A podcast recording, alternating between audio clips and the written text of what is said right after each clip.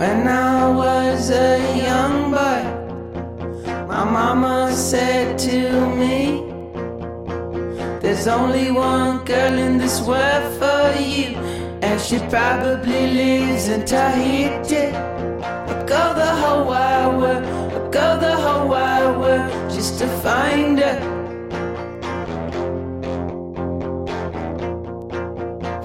Or maybe she's in the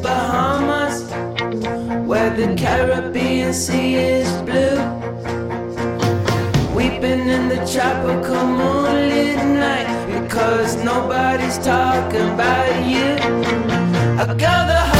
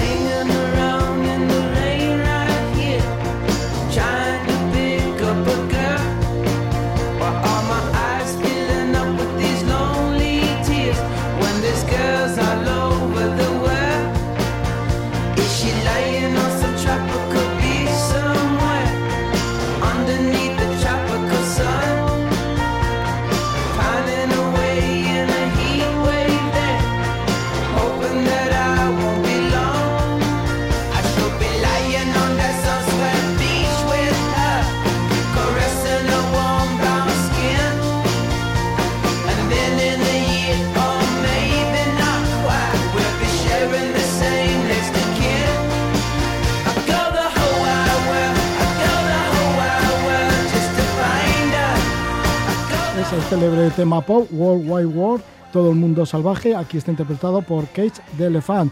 Pero bueno, lo han hecho muchas versiones, mucha gente lo ha versionado. Están los Monkeys, los Proclaimers e incluso Eric Breckles, que creo que es el original de esta canción. Una canción que la ha elegido nuestro invitado es Alex Fraile. Alex Fraile, un gran viajero, llega desde Madrid para estar con nosotros y también para presentarnos su libro El soñador errante de viaje con Pierre Loti. Le damos la bienvenida a Alex Fraile. Gabón, buenas noches. Gabón. Bueno, Alex, pues sí, te agradecemos muchísimo que llegues desde Madrid para presentarnos este libro que lo edita La Línea del Horizonte, que ya es tu segundo libro. El primero trató de una vuelta al mundo y Justo cuenta el- la experiencia de ello. Sí, el primer, el primer libro de viaje, de viaje con el gallo era una vuelta al mundo durante año y medio. Un año y medio que comenzaste en Etiopía, luego saltaste a Tailandia e inclusive llegaste hasta el Tíbet para pasar, pasar a Oceanía, América Latina. Un libro, pues eso, que era como muy, muy amable, muy simpático, bien diseñado, de viaje con el gallo. Sin embargo, este libro ya es como más literario, ¿no? El soñador errante, en el que te dedicas a seguir las huellas del gran escritor francés Pierre Loti. Justo, es, un libro totalmente diferente, más trabajado y más pausado y es fruto de, pues, de la pasión por la literatura y de un personaje no muy conocido en, por aquí, que, pues, que era Pierre Loti, un gran viajero y, y escritor francés. En el libro dices que Pierre Loti es uno de los grandes mitos de la literatura de viajes.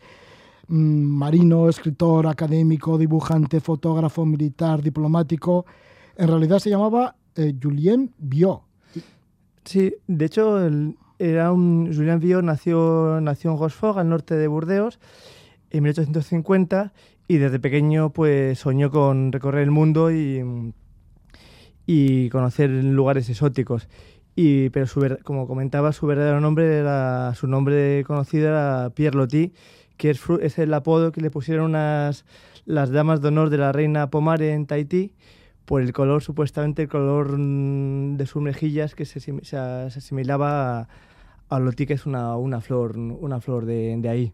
Pierre Loti, que es bastante conocido aquí en, en Euskal Herria, porque murió en Endaya en junio de 1923. Todavía está su casa en Endaya y además escribió una famosa novela como es Ramoncho. Justo, de la vinculación, eh, la vinculación al País Vasco es, es enorme, como comentas, y ah, hasta el punto que una, una de las peculiaridades de este personaje es que, aun teniendo mujer, en aquella época, pues estaba empeñado en tener ascendencia vasca y, y conoció a una mujer de conveniencia con la cual tuvo, tuvo unos hijos ilegítimos y se afincó, eh, como bien comentaba, se afincó en, en Endaya, donde fue a morir en, el año 23.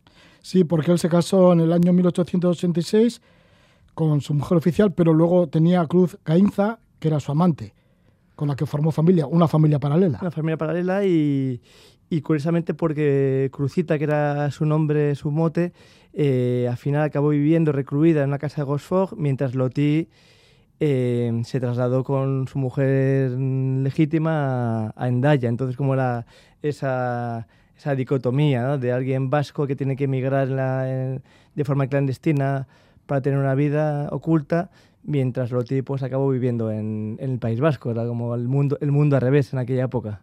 Tenía casa en donde nació, en Rochefort, pero también en Endaya, e inclusive pasó bastante tiempo en Estambul. En Estambul, yo creo que fue su verdadera patria, bueno, digamos, era francés, pero su corazón siempre estuvo en Estambul, una ciudad que visitó en, en siete ocasiones, en periodos largos. Tiene, eh, ahí no, su primera novela, de hecho, se llama Acillade, que está basada en Estambul, y luego fue un defensor a, a ultranza de, pues, del pueblo turco, hasta el punto que le lo defendió en, en, diría yo, en, en momentos injustificados como durante el, durante el conflicto con Armenia, ¿no? el genocidio de Armenia, él siempre, siempre tuvo una posición, una posición muy pro, pro, pro turca, ¿no? ¿Por qué Julien vio Pierre Loti se hizo marino? Porque dices que fue un marino sin tregua. Sin tregua. Pues yo, yo creo que desde, desde bien pequeñito, eh, él, vivía, él vivía, nació en Gosford, una ciudad con vocación marítima, y desde pequeño, pues su, hermano, que fue uno de sus grandes referencias, fue el cirujano de la Marina, y, y si bien parecía por su familia que su destino iba a ser en las, en las ciencias, pues de pequeño soñó con emular a su hermano y decidió apuntarse a la escuela naval en Brest, aprobó el examen y acabó siendo pues marino de la marino francés. Y un caso muy paradigmático porque fue aprovechaba siempre sus viajes profesionales en la marina para recorrer el mundo y cumplir sus sueños al tiempo que eso le iba dando material para ir escribiendo los libros eh, las novelas que, que publicó. Y prácticamente en cada lugar en el que estuvo aprovechaba para escribir un libro Ya con 30 años, pues había surcado el Mediterráneo, el Atlántico, había pasado el estrecho de Magallanes, bueno, había estado ya por el Pacífico, o sea que como marino se recorrió todos los océanos casi, ¿no? sí Todo en aquella todos época los llevaba- mares. todos los mares justamente Sí, claro, llevaba esa pasión por el viaje.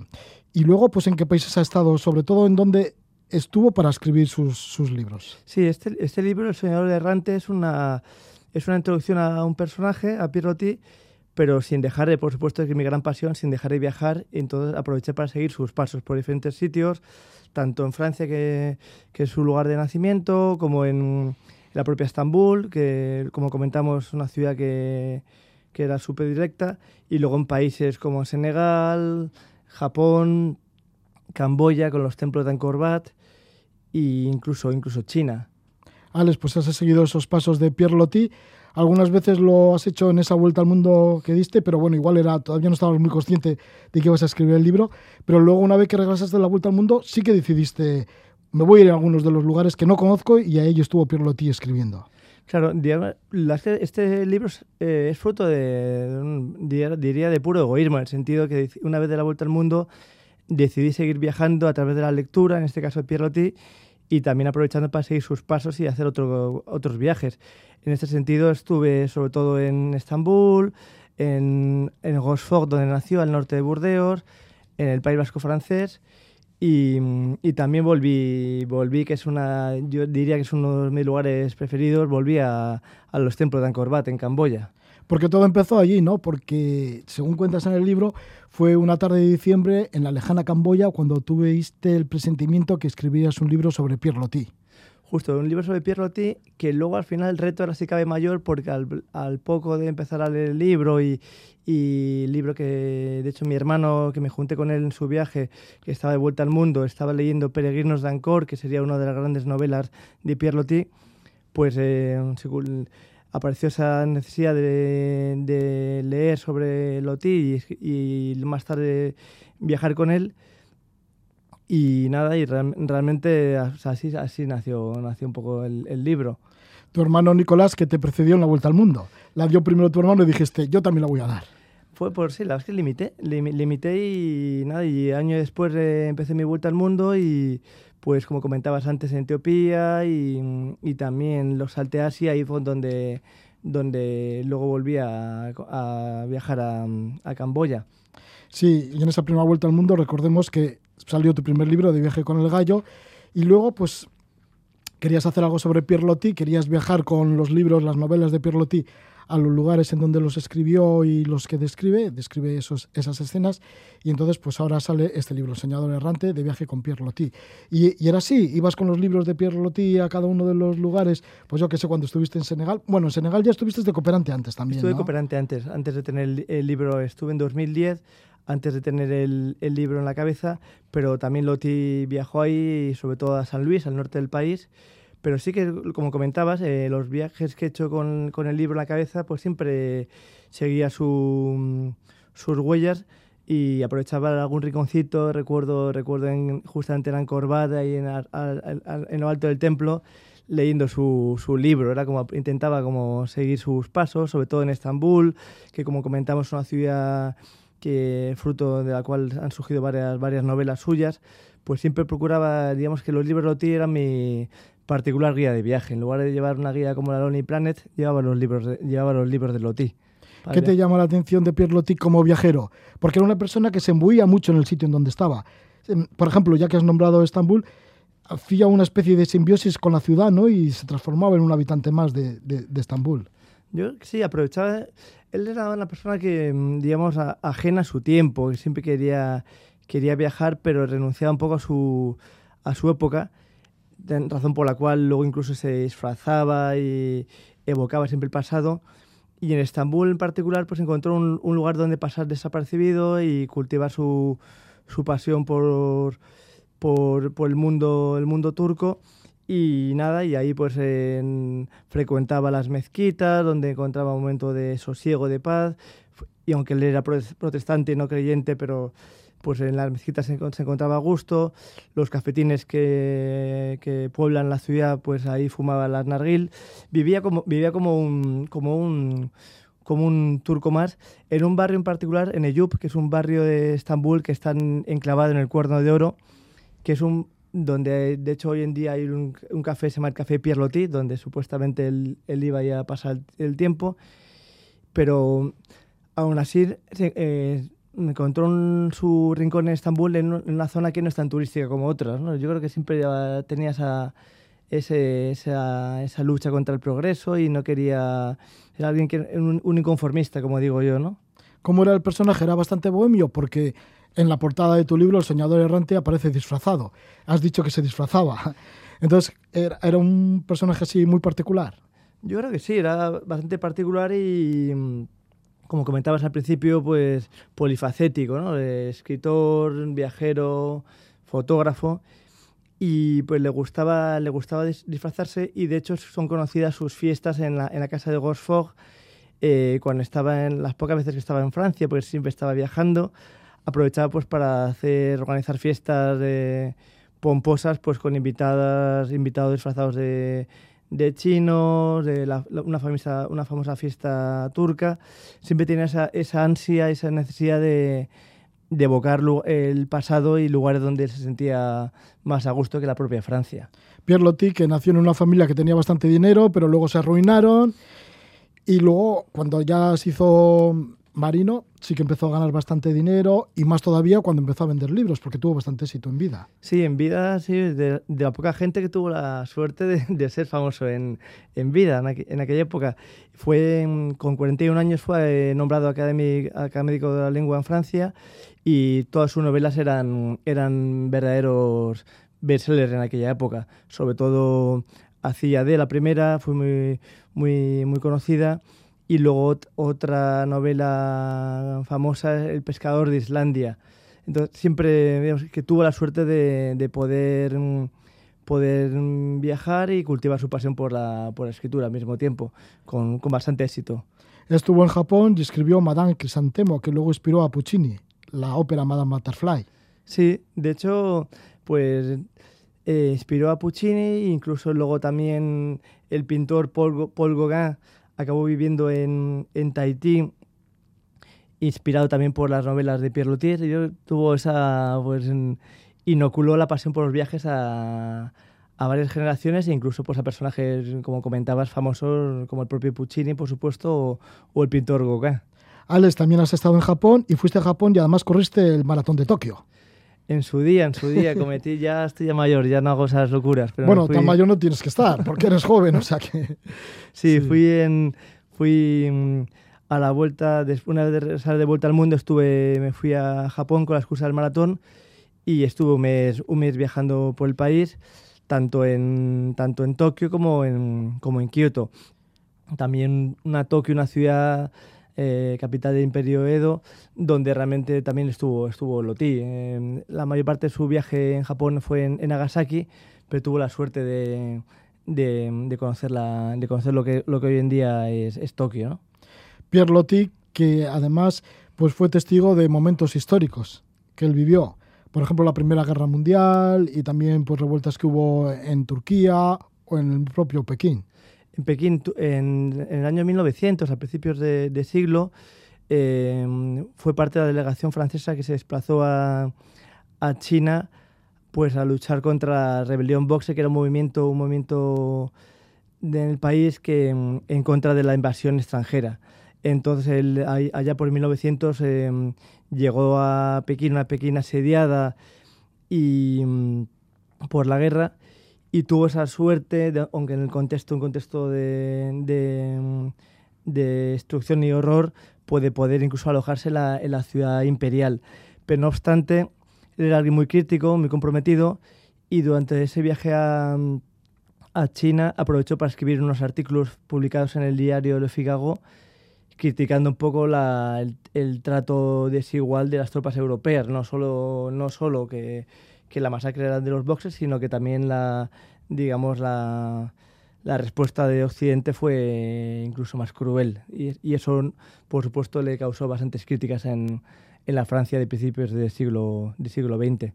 También has estado recorriendo algunos lugares de Andalucía porque Pierre Loti cuando se casó la luna de miel la hizo por Córdoba, Granada y Sevilla. Sí, que es curioso, ¿verdad? Porque cualquier otro en los tiempos que corren tendemos, yo no me he casado, lo digo aquí en, en antena, pero la gente tiende a irse lo más lejos posibles. En aquella época, viajar desde Estamos Francia... hablando del año 1886. Claro, viajar desde Francia a Madrid y para luego recorrer Toledo y, sobre todo, como comentabas, Andalucía, Sevilla, Granada y Córdoba, era toda una aventura.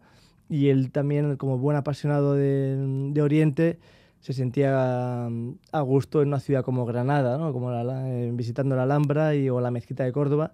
Entonces yo creo que él eligió un buen destino, pero claro, en aquella época era, viajar, a, viajar a, a España era toda una, toda una aventura. Alex, ¿y tú has estado también por estas ciudades siguiendo los pasos de Pierre Loti? Por Córdoba, Sevilla. Sí, a- Granada. es- eso, me, eso me pillaba cerca y nada, Sí. estuve, sobre todo, mira, sobre- después de haber tenido la suerte de viajar mucho, nunca había estado en, justamente en la, en la mezquita de Córdoba, entonces tuve con la excusa del libro de Pierre Loti, pues tuve la suerte de poder visitar la, la mezquita y si bien Granada lo conocía más y Sevilla también, pues Córdoba era una ciudad que la tenía ahí medio olvidada y me permitió, me permitió mm, viajar ahí.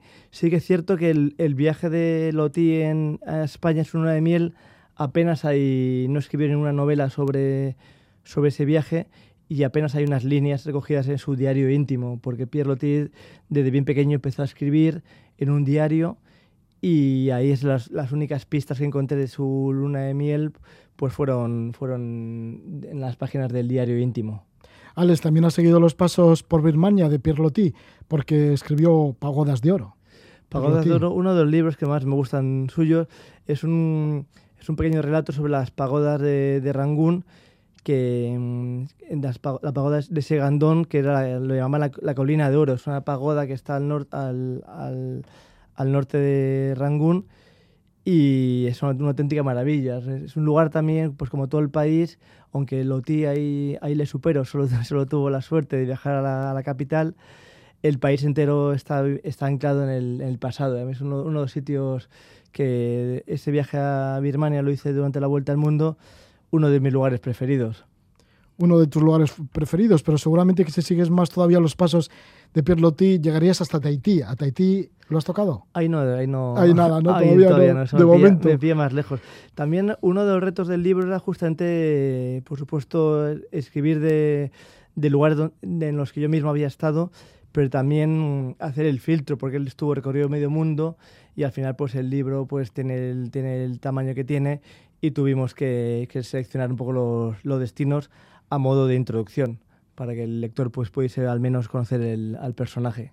¿Cómo ha sido la experiencia de viajar siguiendo los pasos de Pierre Loti y además viajar con cada uno de esos libros a esos lugares? ¿Cómo Pues, te has sentido? Pues Porque bueno, ya de, de principio ya eras un seguidor de Pierre Loti, sí, pero una vez que te has metido ya en materia, Pues no sé si es muy, muy correcto decir esto. Es durante este proceso que ha sido más largo de lo, de lo esperado, aunque, aunque muy, muy, muy bonito, ha habido momentos también duros donde incluso entraba en contradicción con el personaje, un personaje, como comentamos, muy polémico y no siempre pues, el hecho de, pues, de tener una familia clandestina, mm, tener un posicionamiento, posicionamiento político a veces cuestionable, pues te hace, te hace plantearte en ocasiones sobre quién estás escribiendo, pero ante todo siento admiración por el personaje y nada, ha sido pues un aprendizaje. Yo creo que ha sido, recomiendo a todo el mundo y lo pueden hacer con este libro, pues viajar mm, con, a través de lo- las palabras y los ojos de de otra persona, que era un poco el objetivo de al llegar de- después de mi vuelta al mundo, seguir viajando aunque fuese de- en una, en un cuarto leyendo e incluso pues luego siguiendo sus pasos, pero eso ha sido un viaje sobre todo un viaje sin moverme de, de casa, en la mayor parte de- del periplo de estos casi cinco años de, de proyecto a lo tonto. sí, de proyecto, pero no a lo tonto, porque aquí está un libro que está muy ameno, muy bien escrito y además, no sé si el fin de la ruta fue en donde él murió, en Endaya, El fin de la ruta fue, en el fin de tu ruta siguiendo los pasos de Pierre Loti. fue justo en Endaya y, Ajá. y no podía haber final mejor, eh, no, no, desveló, no desveló gran cosa, pero sí que es cierto que el libro acabé en, en Endaya, en la librería Ulis de nuestra amiga común Catherine Doma, que, que ella justamente tiene, eh, tiene un premio literario cada, cada mes de abril, un premio, de- un premio de literatura de viajes, que se llama el premio Pierre entonces todo tenía, todo tenía sentido. Yo, fue- yo creo que fue el mejor, el mejor lugar para acabar este periplo, que espero que sea punto y seguido, pero la primera parte de este periplo acabó en, justamente en Endaya, donde, donde él murió en el año, en el año 23 que tiene todavía la casa. Tiene la casa y mira, uno de los grandes, de los grandes privilegios de este libro es que tirando de contactos con la ayuda de la propia Catherine y Odile de la Ofi- Oficina de Turismo de Endaya, tuve la suerte de poder visitar la casa, que está cerrada al público habitualmente, pero eh, fui en septiembre aprove- aprovechando el alarde de Fuenterrabía y la dueña de la casa que vive en París estaba ahí y conseguimos embaucarla y nos enseñó la casa que es una auténtica maravilla enfrente de la bahía de la bahía con vistas privilegiadas. Y para mí fue uno de los momentos especiales de este de este, de este viaje estar con Catherine en, en, en Endaya. Y diría no sé si sobre todo y también por no por no elegir poder visitar un lugar que para mí era un lugar mm, prohibido no Catherine Domain, que tiene la librería Ulisse, que normalmente está abierta durante todo el año en París, pero en verano Catherine se viene a Endaya y lo abre, abre su librería también. La abre en Endaya y es que hace el premio Pierre Loti porque en cierta ocasión Catherine me comentó que la familia de ella era amiga también de Pierre Sus antepasados, pues su abuelo y así era amigo de Loti. sí. Aparte, la historia de Cat- de Caterina es curiosa porque justamente la librería está en el, antiguo casino. Eso es, en el que- casino allí, en la, ple- en la misma playa de Endaya, podemos decir. Que, como yo comentaba, la librería parece que está viajando al mar, ¿no? Tiene una similitud con Pierre Loti, esa pasión por la escritura y, y el mar. Y la librería Ulises es un ejemplo de ello, ¿no? Mira, frente al mar, pues parece que los libros a veces están como se van a surcar lo- los mares y, y llegar, y llegar a, los, lectores. Y sí, sí, pues ella tiene una... Tiene una eh, de hecho, el, epílogo del libro está escrito por, por ella, porque también, pues aparte amiga, es, es una gran apasionada de, de este personaje de Pierre Loti.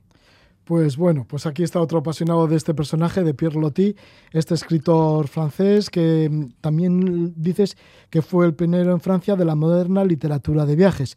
Escribió bastante sobre estas novelas de los diferentes viajes que había hecho por alrededor del mundo.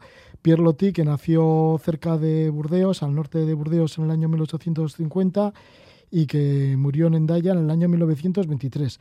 Bueno, nació en, Ro- en Roquefort, ¿no? En Rochefort. Justo. Sí. Vale, ya ahí empieza justamente tu libro en el que vas siguiendo sus huellas, te vas en tren hacia Ro- Rochefort y luego pues ya te vas metiendo en otros lugares, en otros países, ya puede ser Japón, Camboya, Birmania, etcétera, etcétera. Muchísimas gracias por estar con nosotros. Alex Fraile, autor de este libro, El Señador Errante, de viaje con Pierre Loti, que lo edita La Línea del Horizonte. Ah, y por cierto, que también tienes disponible tu primer libro, De viaje con el gallo, que es un libro pues en el que va narrando tu primera vuelta al mundo, la primera y esta ahora última vuelta al mundo. Sí, pues son ambos libros. Eh, si la gente tiene que elegir, le diremos ahora que, que compre el de Pierre pero ahí están los dos libros para... Para conseguir de viaje con el gallo, porque el de Pierre Loti lo podemos conseguir en cualquier librería, ya que está editado por la línea del Horizonte, que lo distribuye muy bien. Pero de viaje con el gallo, Pues a través de, de mi página web que es www.granevasion.es. Y- lagranevasión.es. Sí, Vale. Pues muchas gracias, Alex Fraile. Gracias por venir, por estar con nosotros aquí en Levando Anclas, por llegar desde Madrid y por compartir con nosotros. muchas gracias a vosotros.